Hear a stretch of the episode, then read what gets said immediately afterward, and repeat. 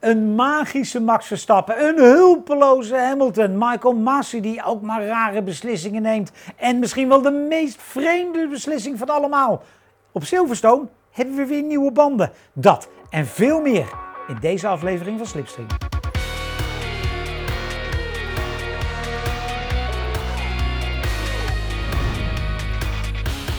Kees, ja, een overwinning van Max. Dus laten we maar met Max beginnen.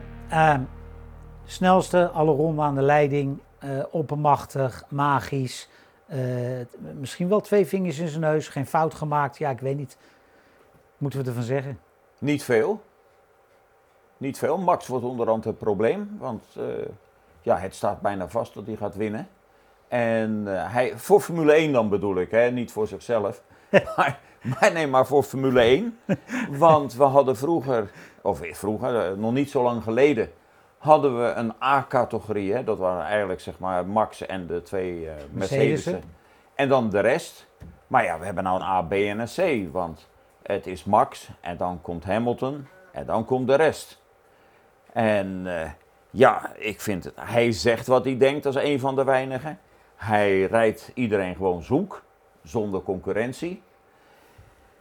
En uh, ja, hij geeft ook de VIA problemen. Want als hij blij is met zijn overwinning en dan laat zijn auto kwispelen, dan krijgt hij weer een waarschuwing. Belachelijk. Dus ja, absoluut, belachelijk. belachelijk. Dus alles draait om hem. Maar het maakt het ook aan die, niet voor ons supporter, maar het maakt het wel saai. Want dat was deze race. Ja, overigens even om daar, daar even mee te beginnen. Maxi komt dan nou, over, ik, over de finish. Even in, dus daarom zeggen we spreken er weinig over. Ja. Want er is veel in het rand gebeuren. Ja. Nu jij. Ja, ja want Max gaat dus over de finish. Uh, kwispelen noem jij het. Krijgt meteen een waarschuwing. Ik zat gisteren ook even de TT van Assen te kijken. Daar wint dus uh, iemand de wedstrijd. Oppermachtig. Die stopt in de uitloopronde. Die krijgt een golfclub en een golfballetje om een balletje weg te slaan. Ja, het gaat helemaal nergens over. Maar ik denk het contrast. De beste MotoGP-rijders uh, die mogen zo omgaan met hun fans en wat ze willen in de uitloopronde. En een Formule 1-coureur die moet zich weer aan allerlei protocollen houden. Nee, maar daarom is Max zo geweldig. Want die houdt zich daar niet zo aan. Hij is geweldig als rijder. Hij laat duidelijk zien, de Max-factor bes beslist ook weer deze race. Ja. want eh, als je de andere auto's, dus de Mercedes en, en, en Perez bekijkt, dan zit daar niet zo groot verschil tussen. Maar Max was niet bij te houden. Uh, Hamilton die realiseerde zich dat ook. Nou, maar hij is tenminste nog tot de leven in de brouwerij komt. Ja, maar wel, oh, voordat ik het vergeet, leven in de brouwerij. Uh, dat deed ook Mathieu van der Poel. Die doet ook dingen op onorthodoxe manier. En die wint ook gewoon. Ook leven in nou, de brouwerij. Maar als liefhebber, en da daar bedoel, dan hoef je geen autosport of wielren liefhebber te zijn. Maar van zulke mensen, die kan je toch waarderen. Ja. Dat is grandioos. Dat is de emotie van sport. Ja. En dat is prachtig. En dan is het heel droevig dat een overkoepelende organisatie dat maar wil indrukken. Ja. En, en dat is zelf natuurlijk, daar hebben we het al zoveel. Hoeveel straffen waren er wel weer niet deze race? Ja, belachelijk. Ja, absoluut belachelijk. En dat maakt het ook niet leuk. Nee, ik hoop een van die straffen komen zo terug. Um, heel even Red Bull afmaken. Perez. Perez is, uh, is, is goed, maar niet meer dan dat. En uh, ja, er zijn ook mensen binnen het team zelfs die zeggen... ja, hij had gisteren wel uh, eigenlijk ervoor moeten zorgen... dat ze nog meer druk op Hamilton hadden kunnen zetten. En misschien een 1-2 uit het voer hadden kunnen slepen. Want hij, ja, tuurlijk heeft hij een pitstop gehad. Die ging niet goed. Maar het was toch ook, uh, ja, uh, Bottas onder druk gezet, maar had eigenlijk Hamilton onder druk moeten zetten. Nou ja, met die mensen die dat zeggen, ben ik het roerend eens. Uh, hier, dat hij Verstappen, daar ben ik van dat hij niet bij kan houden, in normale omstandigheden. Maar had hier tweede moeten worden. Ja. Zo, dan was mijn voorspelling ook uitgekomen. nee, maar ik vind dat, dat, dat dit circuit ligt die auto. Ja. Hè, dit, nou, en dan zie je hoe ver je kopman vooruit rijdt. Hè, die rijdt de boel zoek. Nou, dan zeg ik altijd, Perez is niet zo snel als Max. Nee. Eh, maar dat hij gewoon tweede had moeten worden. Ja, en dan eh, mag je natuurlijk blij zijn met een vierde plek, tenminste als rijder. Het is altijd beter dan die, hm. die erachter rijden. Maar het was niet goed. Nee, overigens uh, vierde. Je hebt, je hebt Max en Hamilton, dat is dan die vechten en de rest is veldvullingen, Kees. Ook Bottas. Nou ja, dat is wat ik aan het begin, dat is wat ik aan het begin. Je hebt nu een A, B en C categorie. En, en in die B-klasse rijdt alleen nog Hamilton. Ja. Maar, maar het is natuurlijk niks. En ik bedoel, de vijfde gaat op een ronde. ja. Als eh, Hamilton eh, aankomend weekend niet opstaat en gewoon die wedstrijd wint, dan, eh, dan heeft hij wel een probleem, hè? Nou, probleem heeft hij sowieso, of hij nou opstaat of niet. Ja, maar, ik vind dat ook wat te optimistisch. Het is ook te optimistisch alsof Max al die beker eh, voor de WK Nee, kan dat zeg ik niet. Maar hij, ze, hebben Want- wel, ze hebben wel bij Mercedes, hè, ik, ik noem dat het McLaren-syndroom. In de jaren 80 hadden ze daar zo'n goede motor met zulke goede rijders. Dat het maakte aerodynamisch allemaal niet uit wat ze deden. En hè, mensen als Giorgio Ascanelli, die vonden allemaal dat ze hè, het, het buskruid hadden uitgevonden. En, en dachten dat het allemaal aan hun lag. En toen in één keer Renault en Williams met een echt goede auto kwamen. Toen waren ze bij McLaren helemaal in de war. En dat is een beetje wat er nu bij Mercedes ook gebeurt. Hè. Er is geen DAS-systeem meer. Ze hebben natuurlijk jarenlang gebruik gemaakt van een motor die sterker was, zuiniger was, beter was. En ja, misschien is het concept van Red Bull uiteindelijk wel veel beter. Maar heeft die motor dat allemaal een beetje verbloemd, Kees? En nu, ja, ze weten het, ze zijn allemaal in de war. Nee, ze zijn in de war, dat, eh, daar hebben we het al eerder over gehad. Maar er is één belangrijke, er zijn twee factoren. Eén is de belangrijkste factor, is Verstappen. Want kijk eens, haal Verstappen weg. Dan had Hamilton alweer eh, Ja. deze race gewonnen. Hè? Dus, dus dat is één factor. Maar een ander ding wat Mercedes te verwijt is, of eigenlijk Toto Wolff te verwijt is, dat hij te arrogant, naar mijn meningen, te arrogant toegegeven heeft op de lobby van Christian Horner.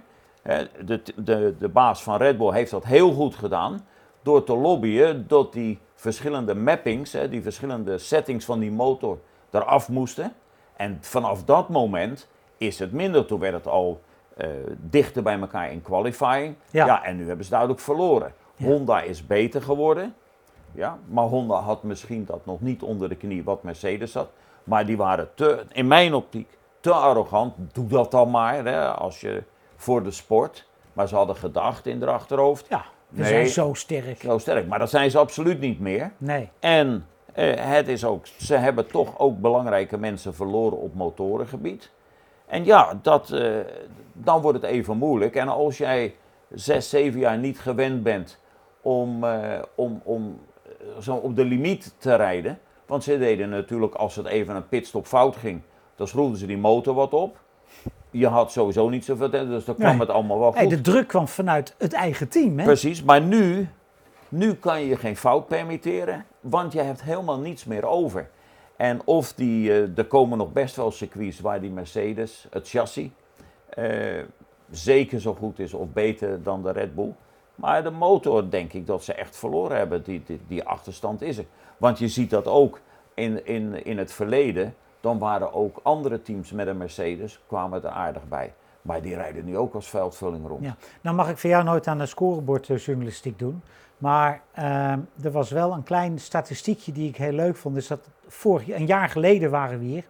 En toen werd uiteindelijk eh, Max door, eh, door Hamilton volgens mij op iets van een halve minuut gereden.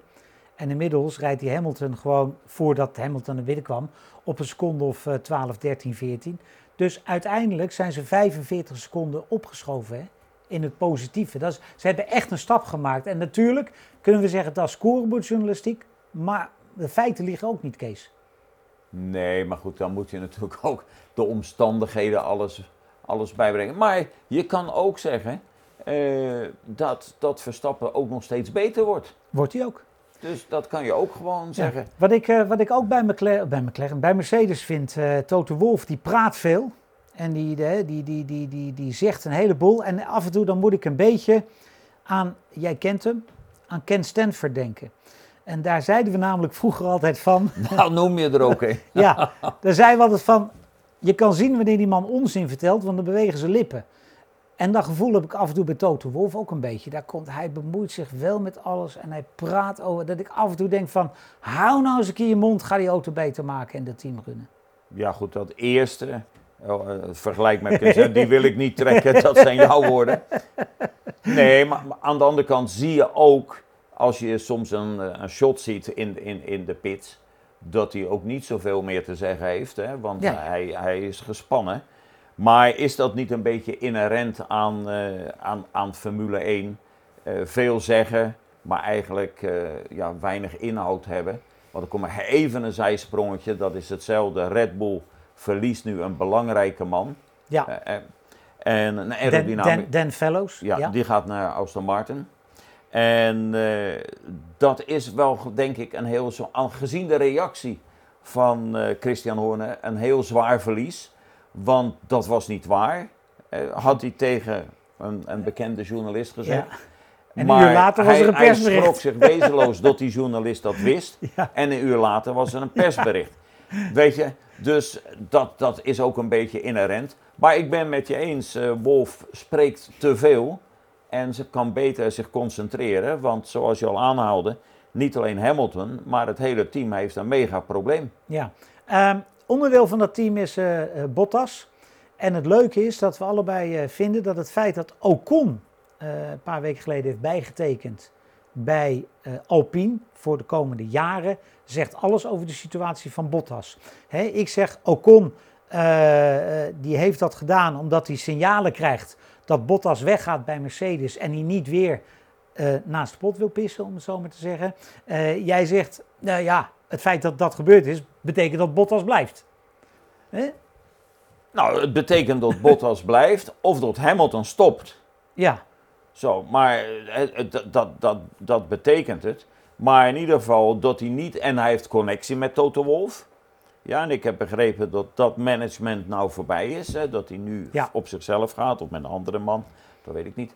Maar in ieder geval zegt dat wel iets over de, over de Mercedes-situatie. En het zegt dan ook iets dat hij daar in ieder geval, wat hem ooit beloofd is, maar niet meer voor in aanmerking nee. komt. En degene die dan eigenlijk door iedereen, eh, vooral de Britse pers natuurlijk genoemd wordt, is eh, George Russell. Die, moet, die moet Bottas vervangen. Nou, nou vraag ik me af, als tweede rijder is die Bottas helemaal zo slecht nog niet. Hè? Zou je het be- die je er best bij hebben, die man. Aan de andere kant, George Russell is de toekomst. Maar is George Russell de toekomst? Een wijs man, Bernie Ecclestone, die zei ooit... je moet geen rijders contracteren die altijd pech naar zich toe trekken. En die George Russell heeft dat wel een beetje aan zijn kont hangen, Kees. Die, eh, gisteren ook weer rijdt hij in de punten met een Williams, wat gewoon knap is. En dan gaat dat ding weer stuk. Ja, het is, hij kan er niks aan doen. Nee, daarom. hè, Maar, maar, maar hij zit ook in een Williams.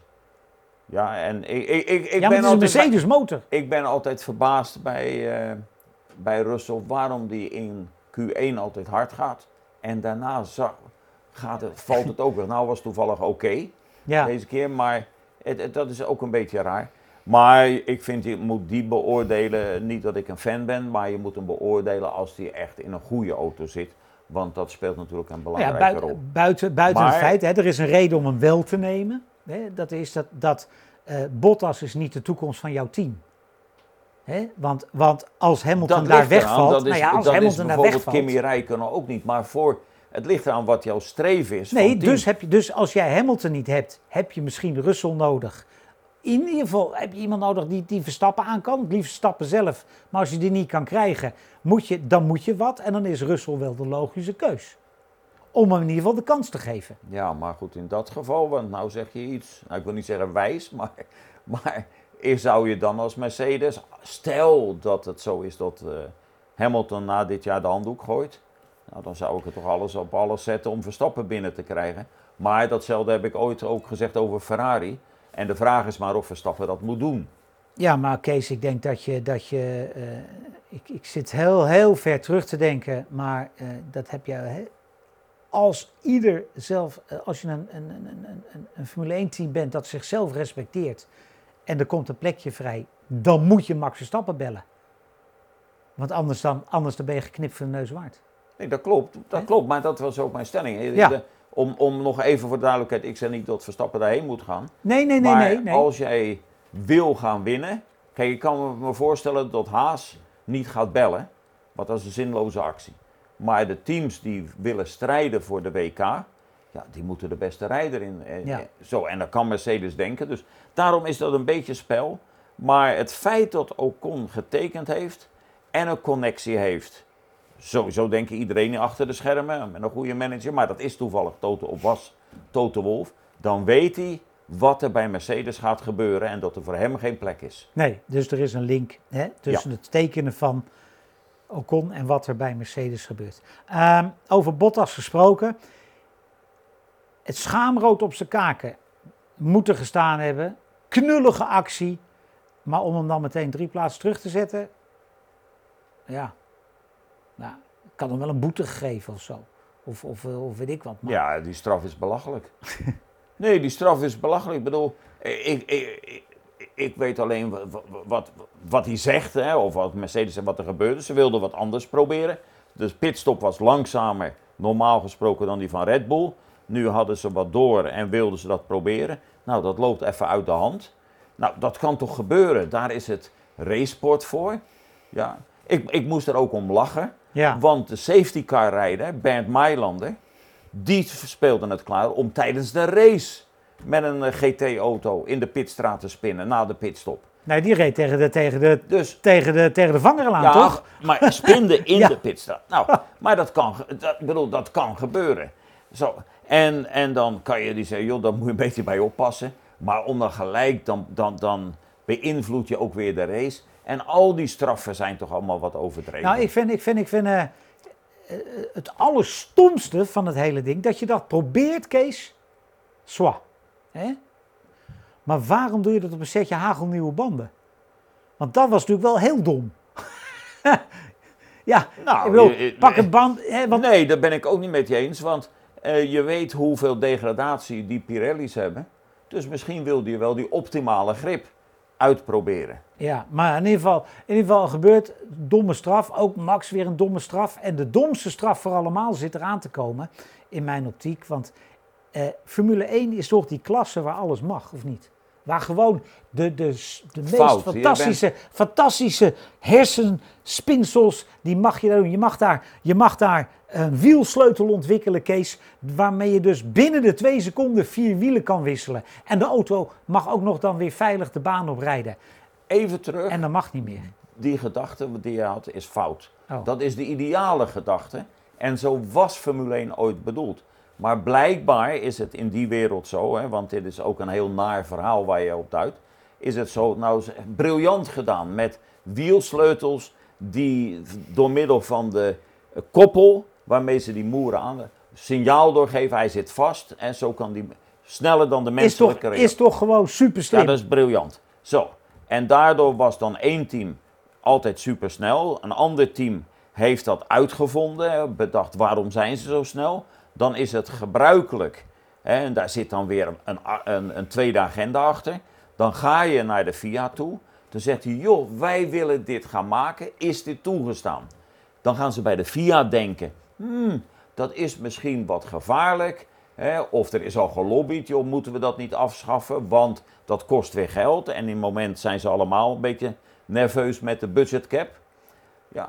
Nou, en dan wordt het verboden. Ja, absurd. Oh, belachelijk. Nou ja, ik, kan het, ik zou het nog kunnen billijken, Kees, als er iedere race eh, drie wielen los eh, door de pitstraat eh, zouden gaan.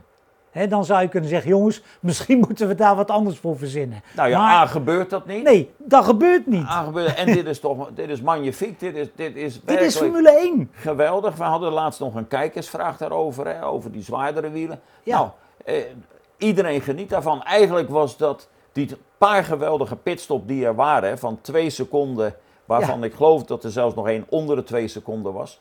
Zo, dat is toch fantastisch. En eigenlijk was dat het hoogtepunt buiten de overwinning van Max, maar die, die was saai. Maar was dat het hoogtepunt van het evenement? Ja, maar kijk, als je erover nadenkt, gewoon alleen technisch over na gaat denken hoe dat allemaal in zijn werk gaat, dan is dat toch briljant gaaf. En dan wil je toch niet dat ze daar weer met een of andere regel gewoon dat weer de nek omdraaien. Nee, maar dat vind ik ook. Dat maar de briljante geesten in die wereld worden enorm begrensd. En dat Ja. is heel spijtig. Ja, de, de, de, de- en dan krijgen we nog die straf ook. Ja, ik, ik ben er helemaal, ik ben er, ik- nou ja, ik wil niet zeggen dat ik er klaar mee ben, maar Nee, dat kan niet, want wij Nee. moeten er ook wat over ja, zeggen. maar, maar ja, het is wel iets waarvan ik vind dat het gewoon heel erg jammer is, Kees. Ik dat bedoel, is ook jammer. Hè, en dan vind ik het ook jammer dat we dus eh, een probleem hebben met banden. Dat het uiteindelijk geen probleem is, maar dat we in Silverstone toch eh, nieuwe banden eh, gaan krijgen. En dan moet ik heel eerlijk zeggen, ik had me echt voorgenomen om het vandaag eens niet over de banden te gaan hebben. Ja, maar we moeten, zolang deze leverancier er is, moeten we daarover praten. Nee, maar dat is natuurlijk een heel raar verhaal. Even nog resumerend. Ja, Vorig jaar gaan de banden kapot ja, door vuil op de baan. ja. Maar in de winter moet er een zwaardere of een stevige constructie komen, waardoor de banden wat zwaarder worden. Akkoord. En op verzoek van de bandenleverancier moet de neerwaartse druk minder worden. ja. Maar het was eh, niks, geen probleem. Oké. Ja. Zo, dan krijgen we de eh, beroemde race in Baku. Ja, twee Ja. banden ploffen, vuil op de baan. Een paar dagen later lag dat vuil er niet meer. Nee, Zo. Maar het was geen probleem. Alleen die teams hadden te weinig eh, lucht in de band. lucht in de band. Maar ze hadden alles volgens het reglement gedaan. Dus, nou ja, daar moet je dan over nadenken om dat te kunnen begrijpen. Ja, En nu plotseling, terwijl de afspraak is in het contract dat het hele jaar de banden dezelfde zijn, krijgen we vanaf eh, volgende week, eh, geloof ik, één test ja, voor alle teams, hè, geloof ik één sessie. ja. En hebben we vanaf Silverstone nieuwe banden. Zeg jij nu wat? En dan, en dan hebben we in Silverstone ook nog eigenlijk een hele korte vrije training en meteen kwalificatie, want dat is de eerste Grand Prix wat er een sprintrace is. Ja. En dan heb je dus ook na die eerste kwalificatie, jij- Park Vermee, Park Vermee, eh, dat je niks meer in de auto mag veranderen. Eerlijk hè? Ja, en dan zeg jij, van Formule 1 is toch high-tech en dat moet ontwikkeling Ja. zijn. Maar klinkt dit professioneel? Nee, dit klinkt amateuristisch, Kees. Dankjewel. Dit is gewoon, maar dat hè, ik bedoel, want ik vind als je alles zo goed wil doen en zo. En dan, en dan, en dan, en dan. Is er trouwens de band misschien die ze voor Zandvoort zouden willen maken? Want daar gingen ze sowieso met een verstevigde band rijden, hebben ze toen verteld, weet je nog? Ja, maar daar waren ook tegenstrijdige berichten. Want wij hebben toen die man gesproken die die baan ontworpen heeft. ja. En, eh, en er was geen probleem. Ja. Maar achteraf kwam er toch voor Zandvoort. En het is ook heel snel dat die klaar ligt. Dus dat zou best kunnen. Even twee dingetjes nog. Maar Eh, het is ook een beetje onsportief, hè? ik vind want- het heel onsportief. Want ik bedoel, de teams hebben daar niet mee kunnen. Je komt dadelijk. eh, Ja. zo. En misschien gooit dat wel in één keer. Ik denk het niet. Maar allesom. Ja. Even twee dingetjes nog, voordat we naar de foto gaan, Kees. Eh, Ferrari, heel blij. Leclerc, driver of the day, worden zesde en zevende. Maar natuurlijk eigenlijk gewoon, Ferrari mag niet blij zijn met een zesde en zevende positie. En Leclerc maar- heeft maar- wel maar- een leuke race. Maar nee, Leclerc reed ook matig. Maar hij was voor de, voor de bühne leuk. Ja, Want hij heeft, hij heeft een paar inhaalacties, die werden dan in beeld gebracht. Dat is prima, maar speelde toch geen enkele rol. Nee. Nee, Geen enkele. nee. En als hij Ik bedoel, gewoon... hij was niet eens de best of de rest. Nee, en als hij, en als hij waarschijnlijk gewoon gere- gereden had waar hij, waar hij gestart was, dan was hij ook zesde of zevende geworden. Daarom. Dus, ja. Daar. Ehm, wie wel, waar ik wel een beetje eh, om moest lachen, althans om glimlachen, was eh Lennon Norris. Super start. En dan vind ik het jammer, namelijk een beetje om glimlachen, dat hij na een paar ronden denkt: ik hou maar op met verdedigen na u, want ik moet mijn banden sparen, anders klopt mijn strategie niet. En, en laat dan heel makkelijk eigenlijk eh, twee man voorbij. Denk ik, ja, dat vind ik jammer. Vecht ervoor, en dan komen we weer op Nee. banden. Maar wel vanuit team, dit is het plan, dat gaan we doen, goed uitgevoerd. Dat is heel goed uitgevoerd in de omstandigheden die er zijn. Ja, maar die omstandigheden zijn verkeerd. Want het kan Ja. niet zijn dat je als coureur dingen moet sparen, maar ook, ik wil niet zeggen half gas, maar je moet heel erg opletten op je brandstof. Dat kan niet zijn. Ik bedoel, we, we, we zijn niet eh, met een economische run bezig. Het is sowieso, we gebruiken veel te veel eh, brandstof voor maar 300 kilometer, veel te veel banden. Nou, dat is nou eenmaal deze sport. Ja. Dan moet je er volop tegenaan gaan. Ja, Maar om een voorbeeld te geven, Verstappen rijdt 1.308 of zo, zeg maar even 1.4. En Hamilton met ook bijna een lege tank, is in dan, de race. in de race is dan 4 seconden langzamer. Ja, dan ga ik even terug naar de tijd om een beetje te vergelijken wanneer er op die eh, Red Bull Ring in de oudere tijd gereden werd. Dan gaan ze of 1 seconde langzamer tussen de snelste raceronde en zelfs 1 seconde sneller in de race. Met ongeveer gelijke conditie, ook met bijna lege tank. Ja, en dan Zo. ligt er wat meer rubber, dan kun je, zou je nog wat harder Akkoord. kunnen gaan ook. Maar die, in die tijd werd er volop gereden. Gas erop. En nu niet. Nu moet je sparen, je moet daaraan denken. Dat is geen racen. Nee. Ehm, ja, ooit zei jij in de allereerste aflevering van Slipstream, als het, Oh, talent, is- als het talent van Ricciardo de maatstaf is, dan is het met het talent van Verstappen ook niet eh, helemaal eh, eh, goed. Dus dat, Maar met dat- talent van Verstappen zit het goed. Ja. Dus En jouw uitspraak klopt weer helemaal, want Ricciardo staat ook enorm in de schaduw. Hij is niet zo groot, die Lando Norris, maar heeft de grote schaduw waar Ricciardo in staat. Ja, maar Ja, nee, dus, dus ik- dat, dat is geloof ik vijf of vier jaar geleden Ja. dat ik dat gezegd heb. ja, niks aan Ja, en dat gaat ook niet veranderen. Nee, voordat ik nou weer... Wat eh, is wel teleurstellend. Hè? Want, en daar zie je ook, want we praten eigenlijk over McLaren, dat McLaren goed is. Nee, Norris maar- is goed. Exact. Ja. Exact. De foto van Kees, voor Kees. Ja, ik vind hem leuk. Kees. Wie wat waar. Het zoekplaatje voor Kees.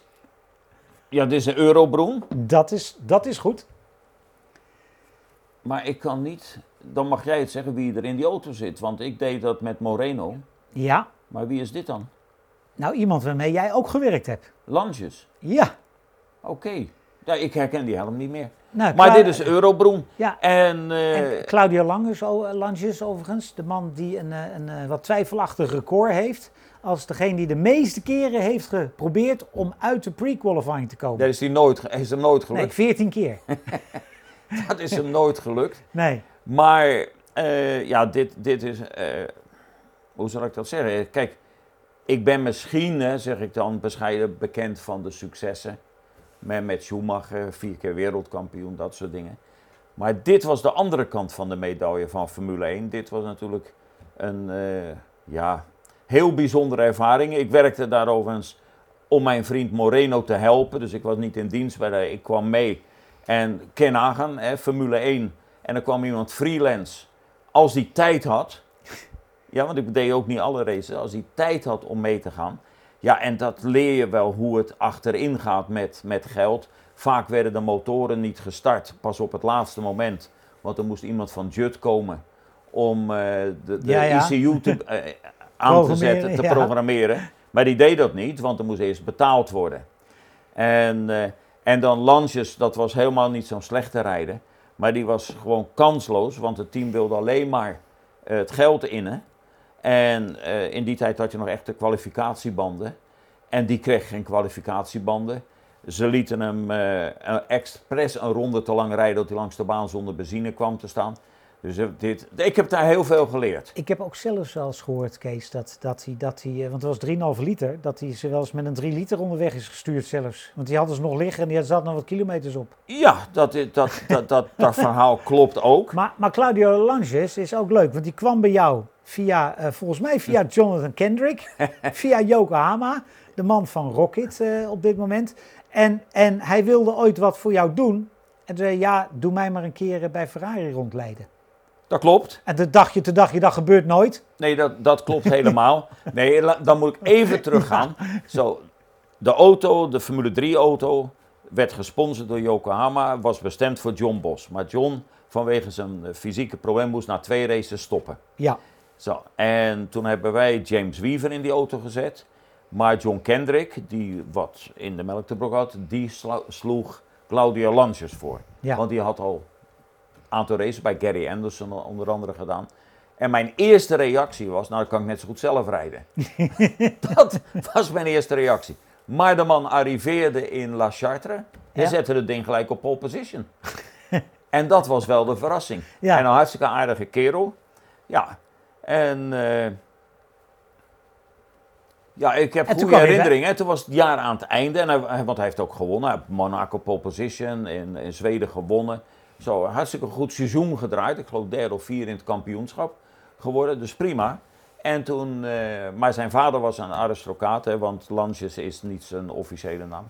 En eh, toen zeiden mensen, ja, wat fijn dat we bij jou gereden hebben. Ik wil wat eh terugdoen.